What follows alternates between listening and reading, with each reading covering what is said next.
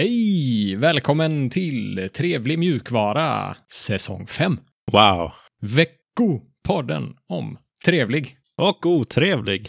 mjukvara.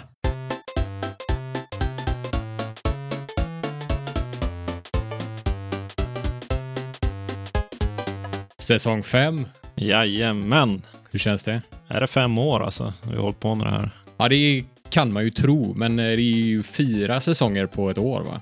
Ja. Så ja, vi har väl hållit på i nästan ett år nu Ja. med podcasten. Just det. Och vi har precis kommit tillbaka efter en eh, fyra veckors lång semester, du och jag. Ja, den var väl tre veckor eller? Det kanske den var. Den kanske känns som fyra. ja, det känns faktiskt väldigt länge sedan vi eh, spelade in podd nu. Kommer inte Mm. ens ihåg hur man gör. Nej, det var mycket som gick fel här i början, men ja, nu är vi igång. Ja, vad har du eh, haft för dig? Har du haft eh, supersemester eller har det bara varit en semester från podden? Det har ju bara varit semester från eh, podden. Ja, Det är ju m- mitt i arbetstider det här. Det är det är ju inte mycket semester under den här perioden. ja just det. Det är crunch. Ja, och du då? Samma här. Semester från podden, eh, arbetat. Jag har nog inte bytt lika många blöjor som du har gjort. Nej, men annars, får man eh, hoppas. ja, annars hade det varit fullt ös. Ja, men vi har ju faktiskt filat på lite spännande förändringar också. Det har vi. Men det Precis. kan vi prata om sen. Vad ska vi prata om den här eh, säsongen, höll jag på att säga, det här avsnittet? Ja, vi kör på vår beprövade metod och eh, upplägg mer eller mindre. Eh, Så att vi börjar med lite nyheter och sen har vi en trevlighet och sen har vi lite metainformation som du nämnde om själva podden. Vad har förändrats? Ja, man kanske märker av lite här på nyhetsintrot.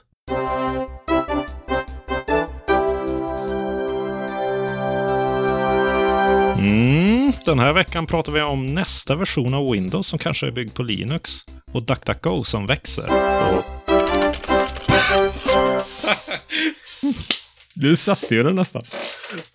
ja, det var nära i alla fall. Nästa version av Windows byggd på Linux. Hur Va? crazy låter det? Har eh, Satya Nadella kommit ut och sagt det här? Eller? Nej, det har de inte gjort. Det Nej. här är en, det här är en teori. Ah, Vet du vem Eric Raymond är? ja. Man har väl kanske hört hans namn Mm. nämnas i open source-sammanhang. Ja. Eh, ja, han är en välkänd förespråkare för öppen källkod. Och han har varit med och startat eller grundat open source initiativ och haft lite dealings med Mozilla och Netscape när det begav sig. Så att eh, han är ett känt namn inom open source. Och han har en blogg där han har skrivit ett inlägg med sin teori om att Windows-kärnan kommer att bytas ut mot ja, Linux. ja.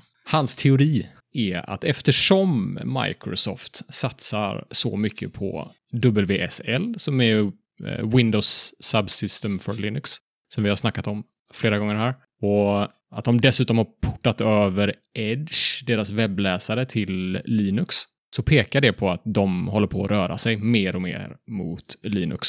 Ja, det är väl inte helt ologiskt. Det är inte helt ologiskt. Det finns någonting i, i den här teorin. Det är ju inte jättebilligt och eh, det är inget värde i sig menar jag, att s- sitta och eh, bygga sin egen kärna egentligen.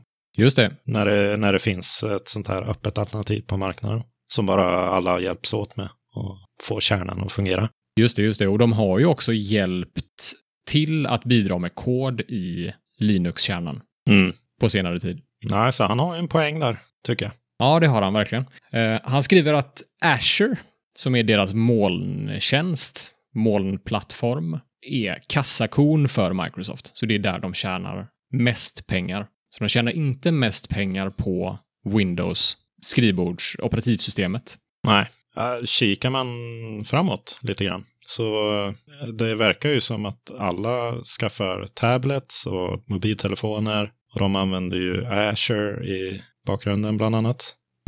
Men det är ju inte Microsoft som bygger de operativsystemen och de förlorade ju den matchen. Det blir mindre och mindre tyvärr aktuellt med stationära datorer för gemene man. Just det. Den marknaden har nog gått, eh, den har gått ner, tror jag, det senaste. Så värdet där är ju inte... Det, blickar man framåt så tror jag nog att det blir mer och mer molntjänster och mobila enheter snarare än att ha någon stationär dator Ja. med Windows på. Ja, där är jag helt med dig. Det tror jag med. Hans gissning är att Microsoft kommer att bli, till en början, någon slags emuleringslager över Linux-kärnan. Så lite liknande Proton, som är ett emuleringslager för att köra spel eller applikationer via Windows-applikationer via Steam. Mm. Och emulationslagret kommer bli tunnare och tunnare ju mer support och features som byggs in i Linux-kärnan. Ja, Och eh, resultatet är då att eh, Windows till slut kommer att meddela att den gamla Windows-emulationen eh, inte kommer fortsätta utvecklas och att alla Windows-appar redan har byggt på Linux i, i grunden sedan en tid tillbaka. just det. Och då kommer ju utvecklare också sluta skeppa Windows-binärer såklart. Och Linux vinner till slut fighten om desktopmarknaden. Ja, eh, frågan om det var på det sättet. De kommer ju fortfarande ha sin Microsoft-stämpel som låser in det säkert på något vis. Ja, just det. De kanske hittar något sätt att sälja det på. De kommer säkert ha något eget paketformat någonstans. De kanske köper eh, Canonical och så gör de Snap till eh, något Microsoft eh, proprietärt. Det är ju lite closed source fortfarande, Snap också. Mm. Eh, foliehatten på här, men det... Eh, Ja, nej, men det kommer ju inte stoppa dem från att bundla Candy Crush i eh, nya Linux och Windows. Nej. Jag menar, det, det säger ju ingenting om, om de sakerna egentligen. Ja, men det är kul att han har gjort den eh, förutsägelsen, eller vad man ska kalla det. Ja, snacket på nätet. Vill du höra vad folk tycker och tror om det här? Ja. En som kommenterar säger att eh, de kommer antagligen hitta ett sätt att marknadsföra de här nya Linux-features som eh, nya coola features. Som att eh, Windows kan nu eh, uppdateras utan att behöva starta om datorn. Ja. Som att det är en nyhet när det i själva verket har funnits stöd för det i Linux länge, länge. Mm. Det finns också lite eh, kritik mot han här, Eric Raymond, eller ESR som han, eh, hans smeknamn är på internet. Och någon säger att han har föruts förutspått Windows fall i två decennier. Ja. Så det, jag har inte så bra koll på han, jag har inte följt honom särskilt länge. Men tydligen så är det inte första gången han har en sån här idé. Nej. Och han har också lite skumma andra blogginlägg på sin blogg. Mhm. Han verkar lite lagom eh, galen. Jag vet inte. Får du Ja. läsa lite mer om vad han har skrivit för att kunna göra en korrekt bedömning där över hur vettig han är egentligen. Ja. Ja. Men eh, ja, han verkar ju duktig och intelligent i alla fall. ja, han är intressant att lyssna på också. Ja, okej. Han, eh, han ger eh, presentationer och sådär, eller? Ja, han har varit med på några podcasts. Mm, okej. Kanske ska få med han här också någon gång. Ja, det var spännande. Då får vi s- bara säga snälla saker om honom nu då. Ja. Ja, men det verkar som att folk är lite allmänt kritiska till hans teori. Men eh, vi får väl se om det blir Eric Raymond och Trevlig mjukvara som har rätt. Eller om Windows kommer att fortsätta köra sin egen eh, kärna. DuckDuckGo växer och det gör den eh, snabbt också. Alltså, Ja. Vet du vad DuckDuckGo är för någonting? jag vet det faktiskt, men jag kan eh, för allas benefit försöka förklara ändå. Ja, Det är en sökmotor. ja det är Tänk- helt, helt rätt. Google. Fast de har en lite annan inriktning än vad Google har. Ja. Right? ja, det stämmer bra. Mycket fokus på Sekretess, kanske? sekretess. Precis. Ja. Den eh, startades september, den eh, 25 september 2008 av eh, Gabriel Weinberg Mhm. mitt i finanskrisen där. Och Ja, ja. eh, den har en Alexa-rank på 158. Det är ju ganska bra. Vad är en Alexa-rank för något? Det är något eh, webbstatistikbolag, tror jag, som eller, rankar s- sidor på nätet. Eh, Aha. Alexa-rank eh, nummer ett är väl säkert Google, tror jag. Just det. Okej. Eller Facebook. Mm. Så det finns ju många hemsidor där ute, så 158 är väl ganska bra. Ja, just det. Jag har sett reklam för DuckDuckGo på stan. här Ja. i Göteborg. Det har jag också gjort i den här, äh, i Partille, vad heter den? På Allum. Ja, okej. Det Köpcentret. var, äh, jag tror till och med jag tog en bild och skickade till dig. Mm, det gjorde du. Ja, de pushar hårt. Det är udda att de sätter reklam på reklampelare för DuckDuckGo ja, i verkligen. Sverige. Det är lite roligt. Nej, så det verkar ju gå bra för dem. De är ju unika och det som är unikt är väl att de inte, eller i alla fall marknadsför de sig själv som att de inte spårar en. Mm. Så den visar reklam via Bing-nätverket Ja, okej. med, utifrån sökorden man använder. Så den bygger inte upp någon profil när man håller på och surfar på DuckDuckGo som försöker att luska ut något. Vad är det den här killen gillar? Eller den här tjejen är ute efter egentligen här i livet? Utan det är, den visar reklam som har med sökorden man använder att göra. Mm. Och eh, en grej jag upptäckte, jag kör ju DuckDuckGo, eh, var ju att den tidigt hade ganska mycket utvecklarcentrerade specialresultat, eller vad man ska kalla det. Mm. De var färdigbakade saker som passar utvecklare. Som exempelvis det här svaret från Stack Overflow. Ja, okej. Första accepterade, mest eh, uppröstade svaret. Ja, precis. eh, Brukar, den tog de fram liksom i, Här är översikten. ja, precis, i sökresultatet. Så man inte behövde gå in ens. Ja, okej. Smidigt. Ja, det är ju 90 av gångerna är det ju den man vill åt ändå. Så det Ja. känns ju smart. Ja, eh, ibland är det mindre bra, men eh, det är kul att de försöker i alla fall. Ja. Och sen har de även sådana här bangs, som det kallas. Ah, och en bang är ett utropstecken, va?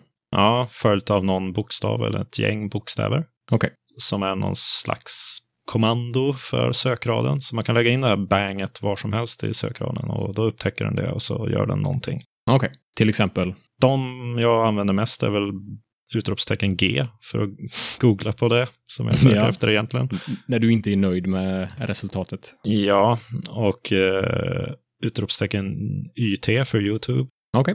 utropstecken eh, GH för GitHub kan man söka i Mm. också. Så det f- finns ett 13 000, eh, 13 500 till och med sådana bangs. Bangs. Oj. Mm. okej. Så där har, de, ju- där har de ju legat i kan man ju säga.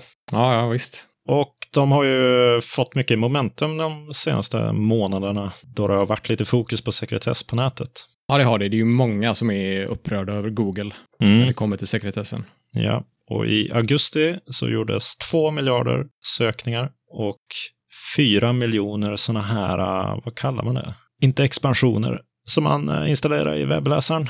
Ja, ja, tillägg. Tillägg, 4 miljoner sådana DuckDuckGo-tillägg installerades i augusti. Ah, Och de eh, estimerar sin användarbas till cirka 65 miljoner aktiva användare, men det säger de ju själva att det är svårt eh, att räkna exakt i och med att de har sån eh, sekretessfokus. ah just det. Sen är ju Google störst som vanligt och DuckDuckGo får mindre än 2 av all söktrafik på internet. Det är ändå 2 procent. Det är ändå 2 det är det faktiskt. Det var ju så det började för Google också. Alltså Mm. jag minns eh, på gamla goda tider när man sökte på Alta Vista eller eh, Hotbot fanns någon som hette också. Ja, Och så Yahoo. började det, det började viskas om något annat. Något annat som eh, lät konstigt. Och då var det Just det. Google då. Just det. Eller Goggle eh, sa folk, kommer jag ihåg. Just det. Och det var så eh, rent jämfört med Ja. de andra. Det var det som Precis. gjorde att man började använda det, för det var ju rappt. För de slängde inte upp en första sida av någon webbutklipp. Nej, nej, precis. Bara en sökruta. Ja, det var, där var de fiffiga. Men nu har de ju, ja, jag tror de är lite små oroliga ändå. Ja, det tror jag med. De vet ju hur de själva kom till makten, så att säga. Mm. Så ja, det här påminner ju mycket om det, tycker jag. Det krävs inte så mycket mer än bra word of mouth, vad heter det? Ja, att folk rekommenderar det till Ja. varandra. Och så sprider det sig som en eh, löpeld. Ja, nej, jag, jag använder det av, eh, jag vet inte om jag rekommenderar det. Nej, det är ju re- av ren trots du använder det. Ja, jag vill göra någonting annat än att Ja. använda Google hela tiden. Och Mm. eh, det är lätt att ja, falla tillbaka på Google med den här eh, utropstecken G om man inte hittar eh, exakt det man är ute efter. Just det, just det. Så det är inte så stor uppoffring ändå. Och eh, kikar man i kurvan i den här eh, länkade artikeln så ser det ju onekligen ut som en exponentiell ökning, särskilt de senaste två åren. Ja, det gör det verkligen. Den pekar ju rätt uppåt. Ja, det är nästan så att den går bakåt och snurrar runt lite. ja, just det. Ja, fasen var skoj. Ja, Tycker jag. De be- behöver utmaning, eh, lite konkurrens, Google. ja. de är lite för stora. Hacktoberfest och kaos. Tydligen har det blivit något kaos där med Hacktoberfest. Har du hört talas om Hacktoberfest? Jag har faktiskt det. Det är Digital Ocean som har någon slags, något slags event nu i oktober, va? Mm. Det är tydligen någonting eh, som de har kört varje år. Eller varje år, men i några år i alla fall. Ja, ah, okej. Jag har inte hört om det förrän nu. Nej, inte jag heller. Men eh, det är ett initiativ då från Digital Ocean att få fler att bidra till eh, open source.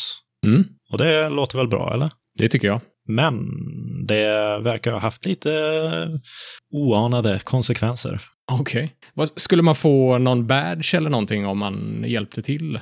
Ja, de eh, lovar gratis t-shirts eller ett träd som eh, planteras till de som skapar pull requests för Mm. projekt på GitHub. Okej. Och kraven är att man eh, kopplar sitt GitHub-konto till eh, eventet på Digital Oceans hemsida och sedan så ska man skapa fyra pull requests mot något publikt projekt.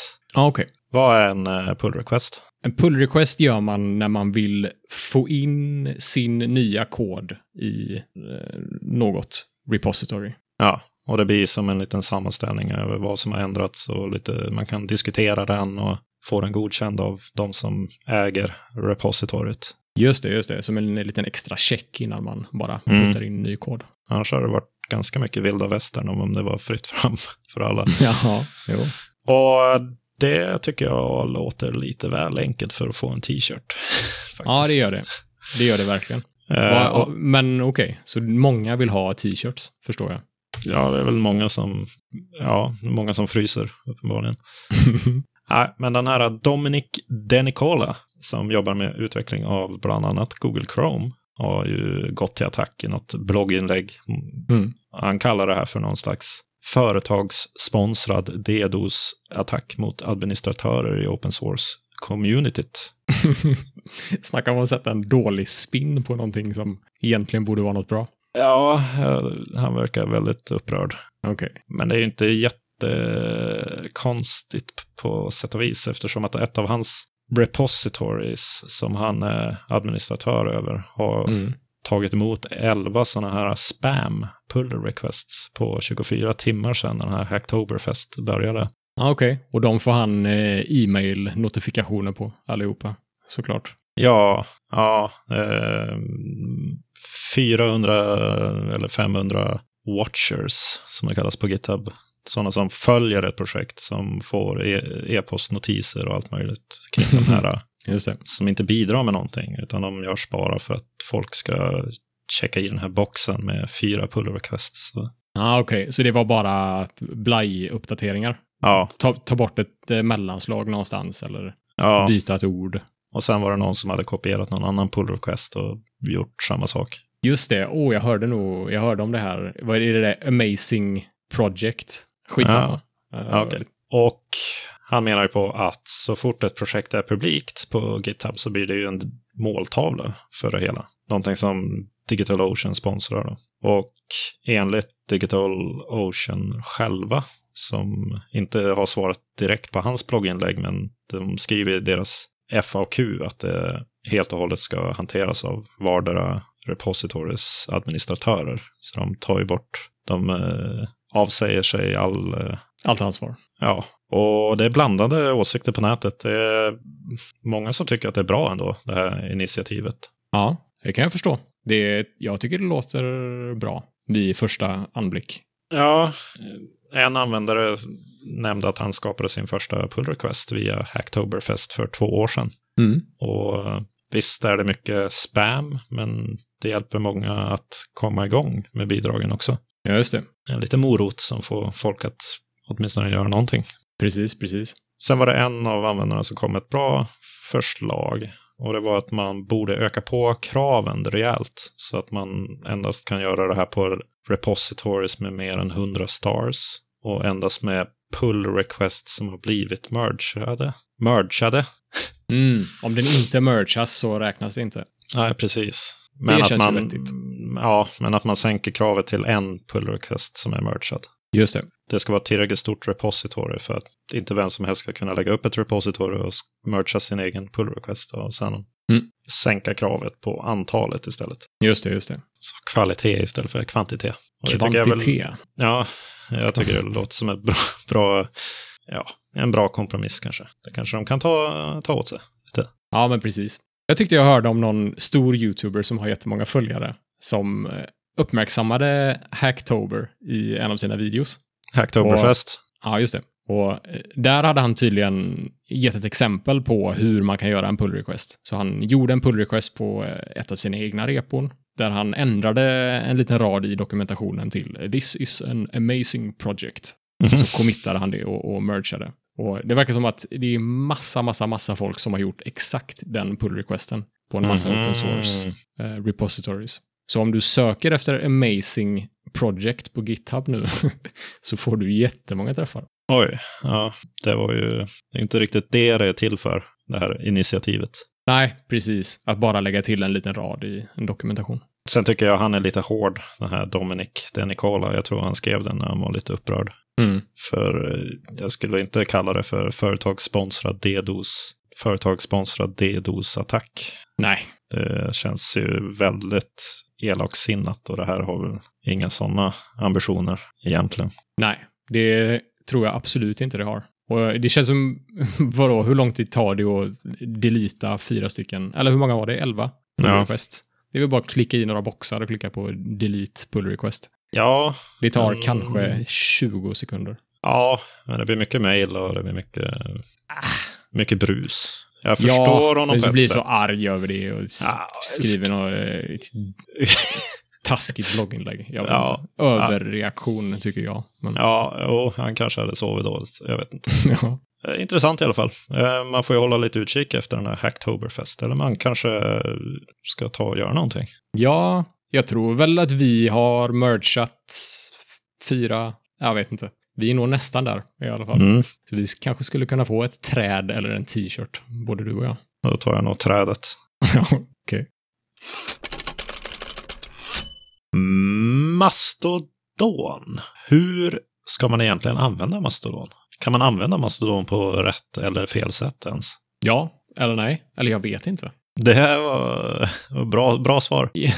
jag är jättenyfiken på hur andra använder Mastodon. Ja, Och jag snubblade över en bloggpost från en snubbe som heter Carlos Feneosa. vad, vad säger han då? Eh, han hade hört många som säger att de tröttnar på Mastodon och de tycker inte riktigt att eh, det f- funkar som de förväntar sig och det är många som inte förstår det. Så han har gjort ett blogginlägg där han försöker beskriva hur han själv ser på det, hur han använder Mastodon.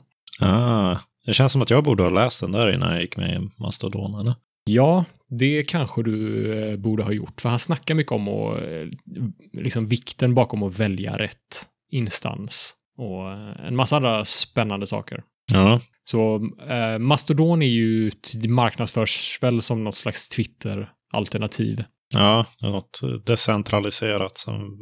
Just det. När Twitter bara har en stor server så finns det en- jättemånga olika små servrar med Mastodon. Små och Mm. stora servrar, ska sägas. Man kan väl se det som subreddits, Mm. om man nu ska dra någon sån liknelse.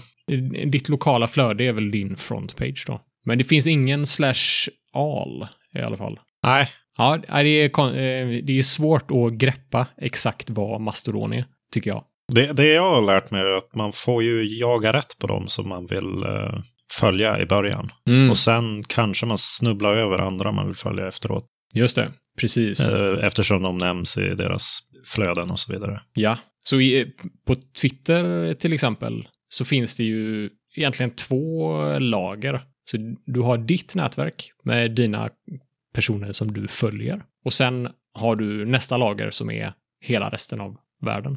Just det. I Mastodon så finns det tre lager. Det finns ditt nätverk, alltså personer du följer. Det finns den lokala tidslinjen som är Ja. folk eller inlägg på din server. Och sen finns det hela nätverket, eller hela resten av mastodonvärlden, så att säga, Mm. som det tredje lagret. Så det som skiljer sig här är den lokala tidslinjen. Och Carlos, då, författaren till den här bloggartikeln, han säger att den lokala tidslinjen är jätteviktig för att kunna använda Mastodon på rätt sätt då, enligt honom. Ja, det känner väl jag också. Mm. Surfar du på din lokala tidslinje? Jag var ju eh, mindre duktig i mitt eh, val av instans kanske. Vad valde du för något? Ja, någon generell mastodon.online. Ah, okej.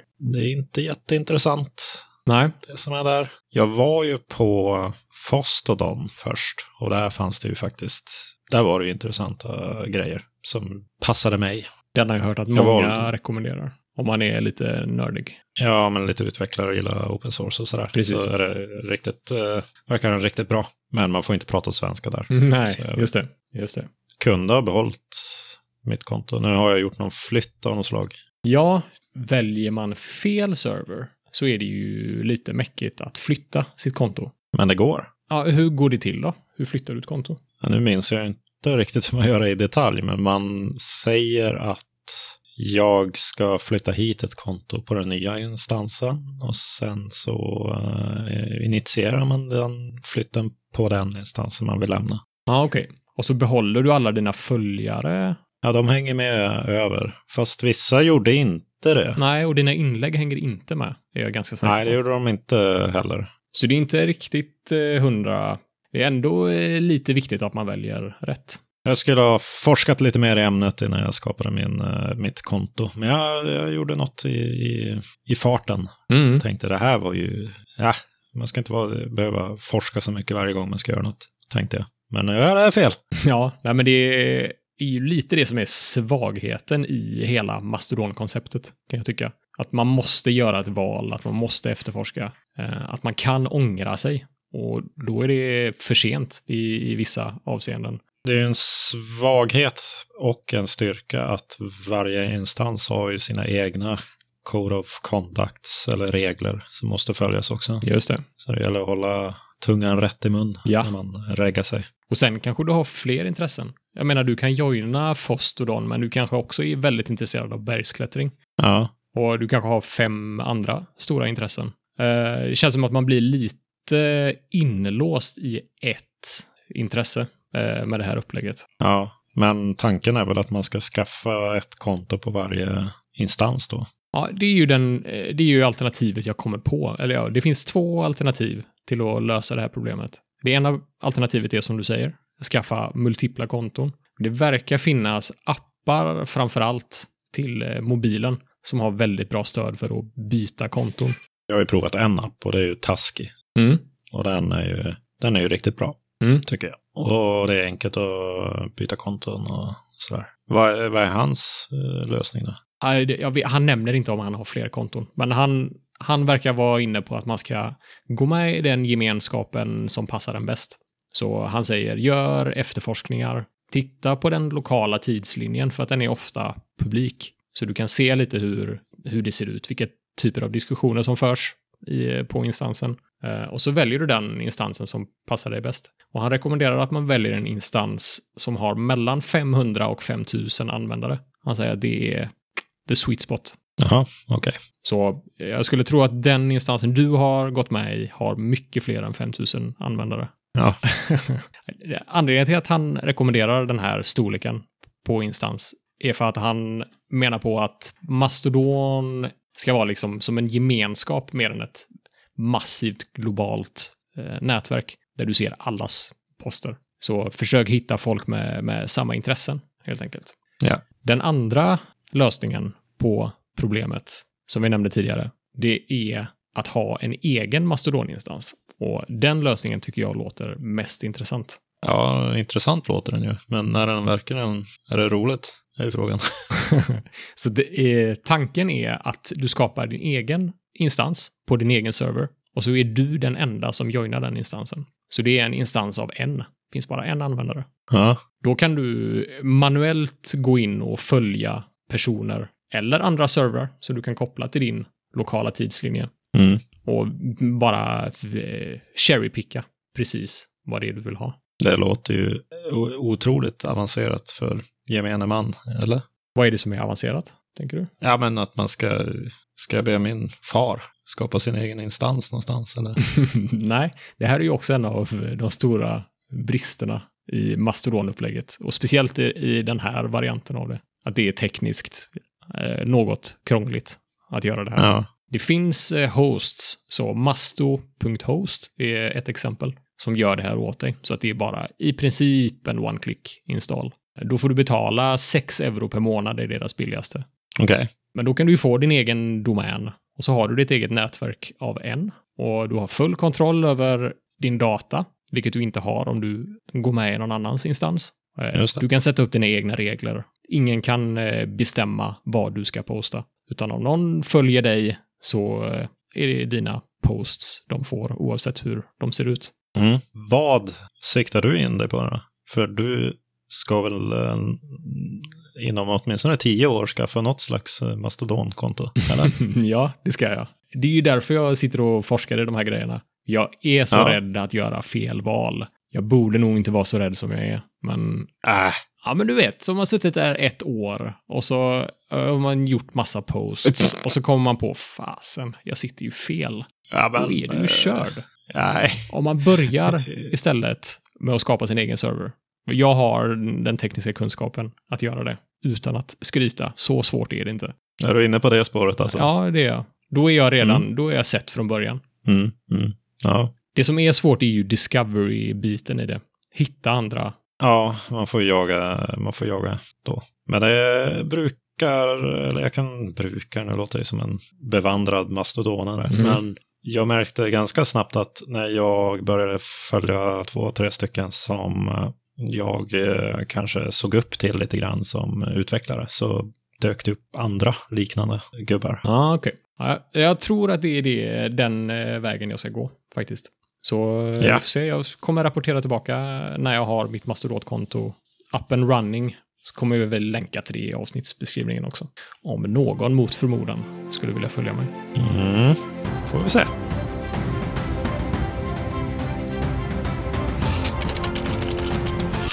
I3 känner du till. Ja. Det är ju något som eh, jag kör på min dator. Det är en fönsterhanterare. Mm. Så den hanterar vart fönstren är placerade på min dator. Och jag tror att du har experimenterat med det lite också. Jag har det på min bärbara dator. Just det. Vi har snackat tidigare och du har varit en... Eh, du har varit lite irriterad på att man inte kan spara layouter och återställa layouter. Ja, det kan man väl säga. Om den ska ersätta plasma i det långa loppet. Så absolut. Mm. För där har du en massa regler. Sådär. Men du, du har en speciell layout när du sitter och programmerar till exempel. Eller när vi spelar in podcast för den delen. Ja, jo. Jag vet inte hur många gånger jag har gjort samma sak om och om igen i i3 för att få exakt samma layout. Man skapar ett fönster med Vim och så ett fönster med någon konsol och så gör man den med konsolen lite mindre och så öppnar man en ny workspace för att ha något annat resultatfönster kanske från det man håller på med. Ja. Och eh, det är ju fånigt att jag ska behöva göra det om och om igen. Ja. Samma sak. Jag vet ju precis vad jag vill ha. Precis, du borde kunna spara den layouten på något sätt. Ja. And now you can. Wow. Det finns nämligen eh, en liten tilläggs-plugin eh, plugin som man kan köra till i3 Aha. som kallas för Aha. i3 Resurrect, Aha. återuppliva på svenska. Just det. Och det är en liten grej du installerar och sen kopierar du in lite settingsrader i din eh, vim-config Mm. och Vim. i din i3-config Yes. menar jag. Ja. Och sen har du två nya funktioner. Den första funktionen är spara en layout och den andra funktionen är ladda en layout. Okej. Hur funkar det då när man har fyra workspaces och eh, massor med program i olika storlekar i dem? Man kan sätta upp det på lite olika sätt. Eh, Men Kan man eh, göra det per workspace? Ja. Eller virtuellt skrivbord kanske man ska kalla det. Ah, Och nej, det ska man inte kalla det. Det heter workspace i det. ja, arbetsyta. Nej, det heter ju workspace. Okej. Arbetsbänken. Okej. Men eh, man kan göra det per eh, sån arbetsyta och per eh, hela session eller? Inte hela sessionen. Vad jag vet. Okej. Nej, det tror jag inte man kan. Eh, utan det är Nej. per eh, arbetsyta. Mm. Så Per bänk alltså. Mm. Ja, exakt. Det blir bara mer jag och ska mer sluta. tydligt. ja, men det du, du klickar ju på spara layout-knappen då. Min eh, leader S är, då går jag in i save mode. Så då kan jag Aha. spara vilken av mina arbetsytor som helst. Så just nu har jag 1, 2, 3, 5 och 6 öppna Aha, okej. av någon konstig anledning. Det har bara blivit så. Ja. Så då kan jag välja att spara till exempel 6 som jag sitter på just nu och spelar in eh, podcast. Jag har eh, två VIM-fönster och ett Audacity-fönster. Mm. Spara sexan. Sen kan jag stänga ner alla de fönstren och så kan jag trycka på Leader A som är min ladda layout-knapp. Mm. Och så klickar jag på sexan. Då kommer jag ja, spana alla fönster igen på arbetsyta 6. Ja, okej. Precis likadant. Ja, men det är bra. Ja, men det ska jag ta och titta på. Ja, det tycker jag. Det är ju toppen. Det tycker jag. Jag har haft lite problem när det kommer till vissa appar som har mellanslag i namnet. Där måste man Jaha. göra, du måste säga till i3 Resurrect att, ja, hur den ska hantera det helt enkelt. Men det finns dokumenterat jättebra på GitHub. Ja, okej. Det är ju som vanligt med i3. Man får inte allt för mycket gratis. Nej, det får man inte. Det är inte skoj om allt funkar. Nej, men annars, eh, jag vet inte vad man kan säga mer. Det är bra, bra integrerat i i3. Så du får bra f- feedback från det. Ja. Ja, det var det sista jag ville säga. Tack och hej. Det var allt för mig. ja. Nej, bra tips. Bra tips. Nu kommer vi till något som är otroligt spännande. Ah, Det är ju alltid otroligt spännande, nästa segment. Det är, här det är är snäppet mer spännande. Så, det- mm. Vad händer i utmaningarnas eh, förlovade land egentligen? Ja, jag har hört rykten om att utvecklingen fortgår på motiv. Mm, sakta. Mycket sakta men säkert. Ja, Ja. Ja, det snackar. Jag ser att det kommer uppdateringar på GitHub. Och du har skrivit här att du ska fixa milestones. Vad betyder det? ja, men det är väl lite eh, läge för det. Så att man kan få någon slags, vad heter progress bar på svenska? Fortlöpningsstatus. Snyggt. Det var exakt. Jag tror det är perfekt översättning. Ja, hur som haver. Man vill ju ha något eh, som man kan jämföra med vad eh, som är kvar innan man når något delmål. Mm. Och jag pratade ju förra säsongen om att det var tre grova, stora mål. Mm. Och ja, det är väl lika bra att definiera upp dem. Ja, har du eh, experimenterat någonting med GitHubs milestones? Det finns ju en inbyggd milestone-funktionalitet i GitHub. Ja, den var ju den jag tänkte mig först. Mm. Ja, den är skitbra. Du kan ju koppla, eh, du skapa issues och sen koppla dem till en milestone och beskriva milestonen. Och så kan man se progress när man stänger issues. Ja, precis. Det är någonting som jag har gjort i GitLab och det är ju trevligt att ha det. Det sporrar en ju att eh, komma närmare Ja, det gör det. och eh, stänga ner saker och eh, få klart. Just det. Så det är, det är ju målet att få upp en sån i GitHub. fylla fortlöpningsindikatorn, eller vad kallar du den? Fortlöpningsstatusen, Ja. eh, eh, rektangeln. Just det. Och du har eh, bestämt dig för att raka av dig skägget. Nej, det är du som Det står har, ju det här. det är du som har hittat på, tror jag. Jaha.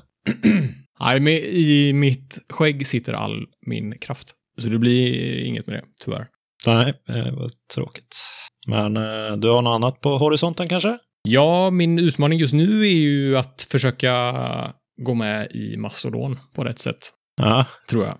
Jag tror jag får skopa det till eh, det just nu. Och sen har Ja. jag en mer långtgående utmaning som vi kan snacka mer om när det har hänt fler saker redan. Ja, Men, eh, ja men det ja, låter ju trevligt. just nu är det mastodon. Så det är nog det jag kommer Ja. rapportera tillbaks med snart, nästa vecka kanske. Toppen. Ja, nu är det dags att blicka vart, Alex? Inåt, Yes! utåt, uppåt, neråt och framåt. Överallt. För nu ska vi prata om oss själva, för det har vi aldrig gjort förut. Nej. Och vi- Vad har hänt nu i den här säsongen? Märker man eh, någon skillnad? Jag hoppas ju det, men det känns som att det här avsnittet blir lite för långt för att kunna märkas än så länge. Vi hade ju två, två ledord som du har skrivit ner här. Ja, Det är tajtare och det är sexigare. ja, det får vi se. Har det här avsnittet varit tajt och sexigt? Jag eh, tycker det känns som ett vanligt avsnitt om jag ska vara ärlig. Ja. Tanken är ju att det ska vara lite kortare. Sen vet jag inte vad jag menar med sexigare, men eh, lite mer koncentrerad, eh, kompakt information Mm. kanske. Och att det är, vi har ju påbörjat lite jobb med någon chapters, eh, kapitel i, i podden. Mm. Så att vi, man ska kunna hoppa mellan eh, det vi pratar om. Så man kan hoppa över och hoppa fram till Just det. saker som är intressant. Mm. Kommer det att finnas med i detta avsnittet? I avsnittsbeskrivningen? Det kommer det kanske göra. Vi får se. Har ni, har ni tur så kan ni kolla i avsnittsbeskrivningen och se timestamps. Eller så har vi skippat det för den här gången. Vi har inte fått till det riktigt automatiska än i vår produktionssnurra. Mm. Men ett eh, delmål är ju att få till ett skript som tar Audacity labels och gör om dem till eh, mp3-kapitel. Just det. Och eh, får man till det då är det i princip eh, gratis att få till det för oss. Och då tappar vi inte så mycket produktionstid på det. Just det, just det. Och då kan man gå in i sin podcastspelare. Så, eh, bara den stöder kapitel så ska man kunna gå in och klicka på timestamps och hoppa fram och tillbaks i avsnittet. Häftigt, tycker jag. Ja, ökar väl i alla fall tillgängligheten av grejer. Så att eh, det blir bra Ja. i slutändan. Ja. Öka värdet på, på det vi producerar kanske. Just det. Ja, mer då. Vi har en eh, lite rolig grej och det är att vi har öppnat upp för donationer. Ja, Vi har ju haft åtminstone en person som har sagt att de är sugna på att eh, hjälpa oss monetärt och donera till Trevlig Mjukvara. För att vi ska kunna... Ja. Ja. vårt mål är att gå plus minus noll på podden. Vi Mm. förlorar eh, lite pengar på det just nu. Och det är hostingkostnader och podcastingplattform och sådär. Så eh, Mm. vi har skapat ett konto på Liberapay just det. som är en sån donationsplattform. Och ja, där kan man gå in och klicka och läsa om oss och om man är sugen får man donera såklart. Ja. Och i avsnittsbeskrivningen så finns det ju en länk. Och på hemsidan finns det en länk. Så att vi skulle ju bli extremt tacksamma för eh, alla möjliga små parkeringspengar eller inte som vi får. Så att det vore ju jättekul om vi kunde gå plus minus noll i alla fall. Ja, det tycker jag. Men eh, oavsett så kommer ju podden fortsätta. Så att det hänger ju inte på donationerna. Sen eh, finns det väl lite tankar och idéer om man får in mer pengar att man kanske gör lite annat som ger mer till eh, vår kära trevliga publik. Ja, alla, allt vi tjänar där kommer ju investeras i podden. Så det är Ja. inte som att vi kommer gå och köpa godis för de pengarna. Nej. Okej. Och man får ju också såklart eh, ratea podden om man vill i sina plattformar. Ja, sprida den till sina vänner. jajamän. Om man skriver något roligt i den där eh, recensionen, då kan vi läsa upp den. Just det, smart. Mm. En liten morot. Det är lite morot faktiskt. Så eh, ni som eh, har skrivit recension redan, ni får ju skaffa ett nytt konto och lägga en ny recension. Just det. Men att roligt. Ja. Ja, okej. Ja. ja, bra det. det var all eh, trevlig Och otrevlig.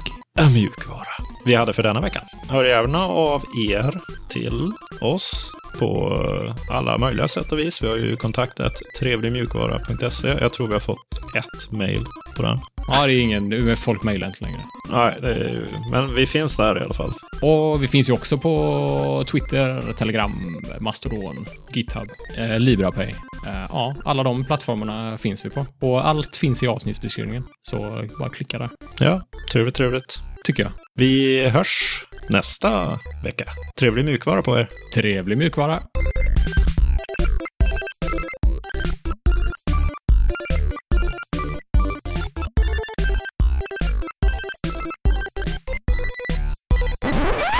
Vill du höra om ett trevligt program som hjälper till med att positionera fönsterna på din dator? Ja. Ah, det var den sämsta beskrivningen av det. Vi kör... vi kör, vi kör båda... Jag är såld. Ja, ja, okej. Jag, jag tror jag hörde om någon, eh, you, någon stor YouTuber som har jättemånga följare som eh, uppmärksammade eh, hack to, Hacktuber. Hacktiba-fest. Jag har för mig att jag läste om någon populär stor youtuber som har jättemånga följare. Som uppmärksammade Hacktu... Hack... Svårt. Hacktober. Hacktober. Ja, jag vill bara säga Hacktober.